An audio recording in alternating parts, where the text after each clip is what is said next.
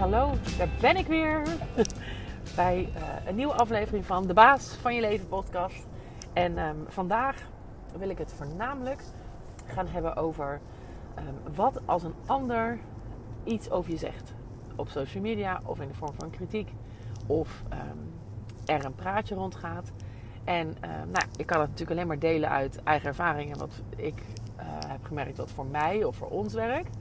Um, maar wie weet heb je dat aan. Dus vandaar um, vandaag nummer oeh, 61 denk ik. Nou, je ziet het in de, in de titel, uh, neem ik aan. Uh, dus volgens mij zitten we op 61 inmiddels. Op naar de 100. Ah, fijn. Vandaag dus. Um, aanleiding. Nee, eigenlijk moet ik eerst even vertellen, want we hebben net een fantastisch feest achter de rug met al onze teams en familie en vrienden, dierbaren, buren. En het hebben we met elkaar gevierd en met de muziek. En het was echt zo heerlijk. En Willem en ik hebben zelfs uh, een klein dansje, een openingsdansje ingestudeerd. Nou, dat was helemaal leuk. En um, uh, het heeft ook nog wel een link met het onderwerp van vandaag. Want um, sommigen vroegen aan mij: Oh, nou ben je er dan gespannen voor of alles wel goed gaat? En of het helemaal is um, wat iedereen leuk vindt. En of mensen het naar hun zin hebben en zo. En ik merkte aan mezelf, en toen dacht ik: Oh, dat is echt wel groei. Uh, daar, want dat was niet altijd zo natuurlijk, is dat ik echt dacht, ja, uh, of ze het leuk vinden. Ja, ze moeten het echt zelf leuk maken. Kijk, ik denk dat de ingrediënten die er zijn qua muziek en mensen en uh, sfeer en wat we met elkaar uitstralen, dat we met elkaar willen doen, leuk is. En ik ga ervan genieten en ik ga me niet te druk maken. En of een ander het leuk heeft, ja, daar heb ik niet helemaal invloed op. Dus dat kon ik echt zo loslaten. Nou, en toen dacht ik wel van, oh, dat was vroeger zo anders. Dan kon ik me daar ontzettend druk over maken. En dan ging ik iedereen een praatje maken. En, en zorgen dat niet iemand te lang alleen stond. Of uh, als ik het gevoel had van, oh, iemand vindt uh, het praatje met die persoon niet leuk. Dan die moet ik redden. Um, nou, of dat soort onzin. Ja, en ik vind het nou oprecht onzin. Ik vind het echt... Uh, ik vind het echt de verantwoordelijkheid van iemand zelf. En uh, nou, daardoor heb ik ontzettend zelf kunnen genieten van, uh, van het feest zaterdag. En zoals jullie weten, wellicht, tenminste als je me volgt op Insta, dan weet je dat inmiddels wel. Um, volledig 0.0 ook uh, geniet ik daarvan. Dus nou waar ik vroeger toch ook wel de volgende dag wat last had van, van de wijntjes of de biertjes, um, heb ik dat sinds ruim drie jaar niet meer. Want heb ik ervoor gekozen om dat niet meer te doen. Dat is misschien trouwens ook nog wel eens interessant om een podcast over op te nemen waarom ik daarvoor gekozen heb en wat mijn ervaringen daarbij waren. Um, maar goed, dat is voor een andere keer dus. Um, vandaag dus over uh, het onderwerp wat als iemand iets over je zegt.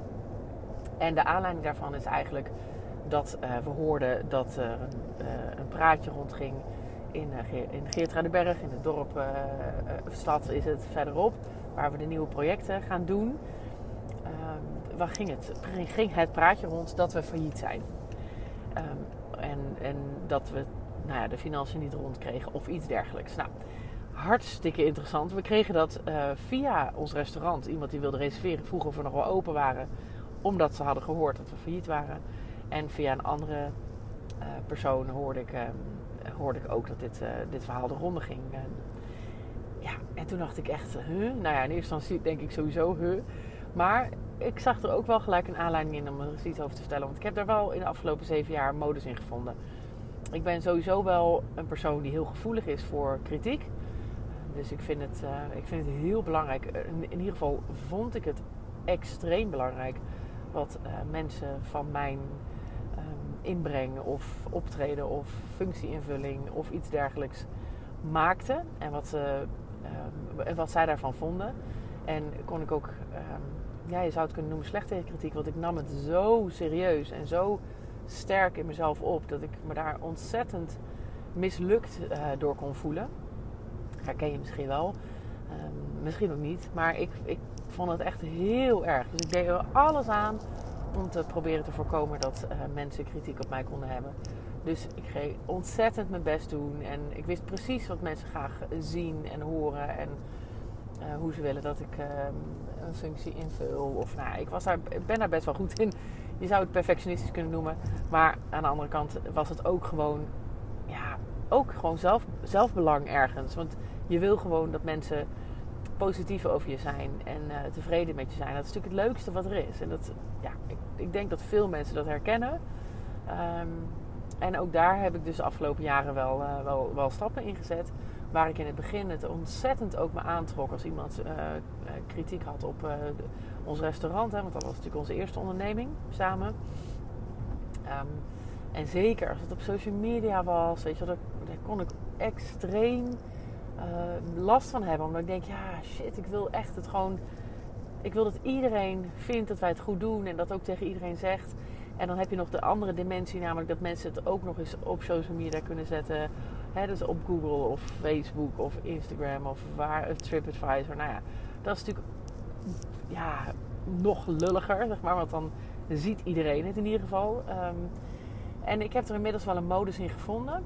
Um, want wat ik sowieso een hele belangrijke eye-opener voor mezelf vind, is dat je niet altijd met alle kritiek iets moet. dus het is uh, waar ik altijd normaal gesproken dacht van je moet heel kritiek heel serieus nemen en is altijd waar. En um, ja, als iemand dat zegt, dan moet je sowieso laten merken dat je het ook verandert en dat je je best doet om het aan te passen. En, maar ja, dan, waar blijft je eigenheid dan? Hè? Dus dat, is, dat merkte ik natuurlijk als mensen kritiek hadden op mij persoonlijk. Nou, um, dat werkt niet, want dan ga je dus de hele tijd proberen te voldoen aan iemand zijn beeld. Uh, terwijl, en dat heb ik dus ondertussen ook ontdekt, het ook heel vaak iets zegt over degene die de kritiek geeft. Hè, dus iemand, um, iemand benoemt uit zijn referentiekader en uit zijn belevingswereld um, iets wat hij of zij niet prettig heeft gevonden, of iets ervan vindt, of iets heeft gehoord. En dat is niet per definitie de waarheid. En dat is ook niet per definitie um, dat je dat moet veranderen. Precies zoals die persoon dat heeft aangegeven. Um, en dat is natuurlijk, uh, dat, dat is ook wel een beetje ingewikkeld. Want dat betekent dus ook dat je soms tegen mensen zegt, eh, of nou, je hoeft niet tegen mensen te zeggen. Maar dat het soms lijkt alsof je niet iets doet met hun kritiek. En dat is een soort doodzonde. Want dat, uh, als, je dat, als je dat zou zeggen, ja, dat, nou ja, dan waarom geef je dan kritiek? En dan moet je toch tegen kunnen. Dat is hartstikke belangrijk en bla bla bla. Allemaal waar. En aan de andere kant denk ik ook, ja, is dat zo? Is kritiek altijd ook het allerbelangrijkste wat, wat er is? En moet je daar um, ontzettend um, extreme waarde aan hechten altijd? En wat voor mij ook wel belangrijk is, heb je om die kritiek gevraagd? Hè? Ik heb er volgens mij in een eerdere podcast dat het echt over kritiek gaan, gaat, heb ik daar ook wel eens wat over gedeeld. Um, namelijk, soms vraag je ook niet om um, kritiek en krijg je hem wel. En uh, denkt iemand dan van, ja, dat is dus hartstikke goed dat jij kritiek van mij krijgt. Maar, maar denk ja, als ik er niet om heb gevraagd, waarom zou je het me willen geven?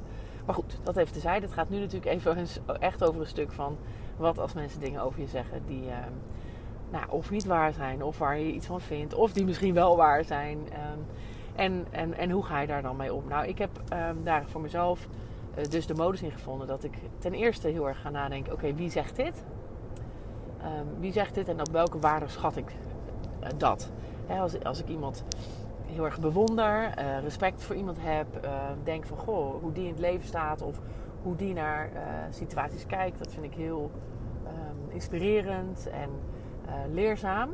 Dan zal, dan zal hetgene wat die persoon zegt, zal ik veel belangrijker vinden dan als ik iemand nou ja, niet ken, bijvoorbeeld.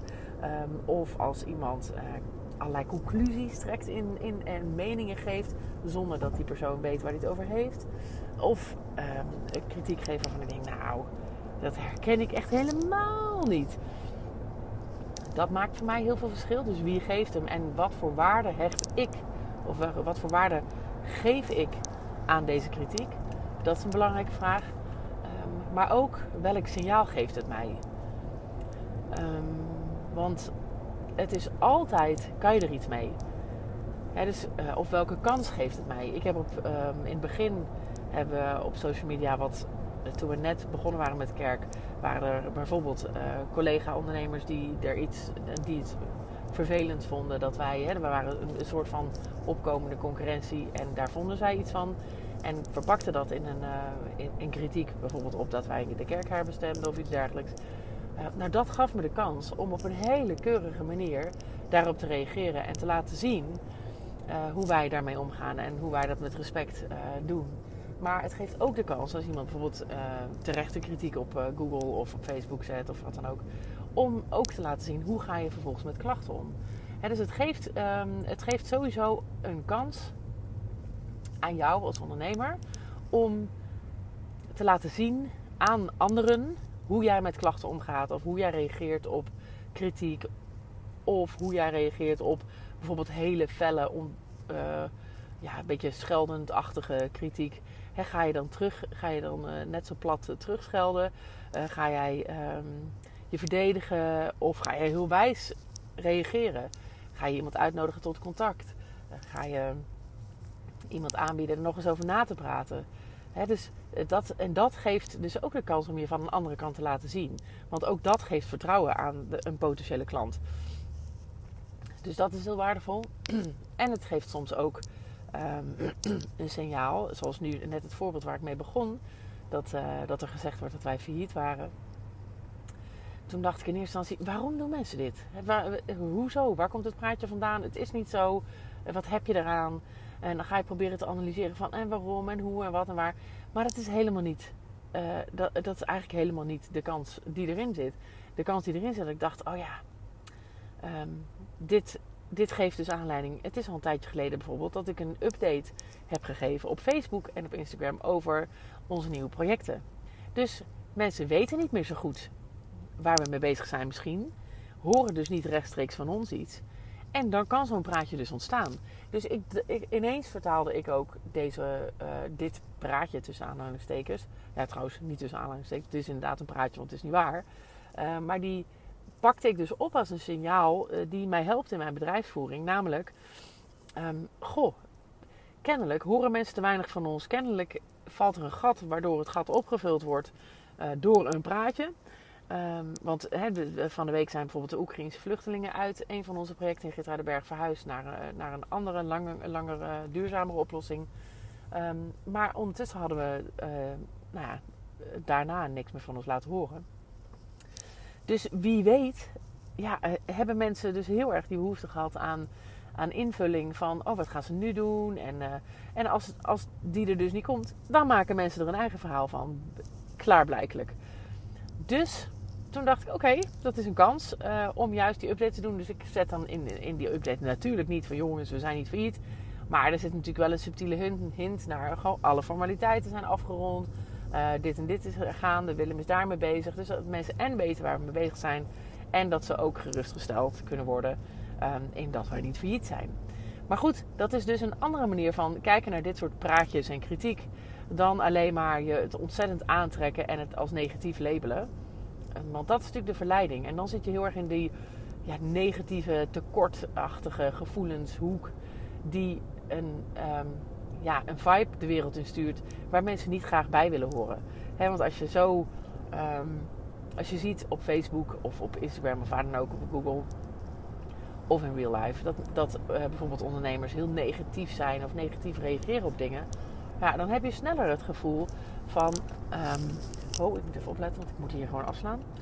Um, dan heb je sneller het gevoel van, ja, weet je, wat een negatief type. En dan wil ik helemaal, nou ja, het is niet aantrekkelijk, laat ik het zo zeggen. Weet je, het is niet aantrekkelijk om dan bij iemand te komen die, die moppert of die um, iemand zomaar um, terug uitscheldt of uh, boos doet erover of heel erg in de verdediging gaat. Of weet je, dat soort dingen, ja, dat, dat is gewoon niet leuk om te zien. Dus dat is eigenlijk um, ja, mijn samenvatting van um, hoe je met uh, dit soort dingen zou kunnen omgaan en die wellicht kunnen helpen. Um, ik vind het in ieder geval heel erg fijn. Sowieso vind ik dat overigens heel erg fijn om op die manier met, uh, met dingen om te gaan. Eigenlijk alles wat op mijn pad komt, probeer ik altijd te vertalen naar oké. En wat kan ik hieruit leren? Wat is uh, de les die ik hieruit kan halen? Wat is ja, wat brengt het mij aan levensles, aan ondernemersles, aan uh, kans om het aan een, van een andere kant te laten zien. Um, ja, eigenlijk, eigenlijk allerlei, um, allerlei kansen biedt het. En dat vind ik gewoon ontzettend fijn om op die manier ernaar te kijken. Omdat je dan ja, makkelijker uh, met dingen kan omgaan en er mooie dingen uit kan halen. Dus nou goed, dat was voor vandaag uh, wat ik met jullie wilde delen. En ik ben natuurlijk als altijd hartstikke benieuwd of je het herkent. En of je het wat vindt. En dat hoor ik natuurlijk graag. Ik wens je een hele fijne avond en weekend voor degenen die al weekend hebben.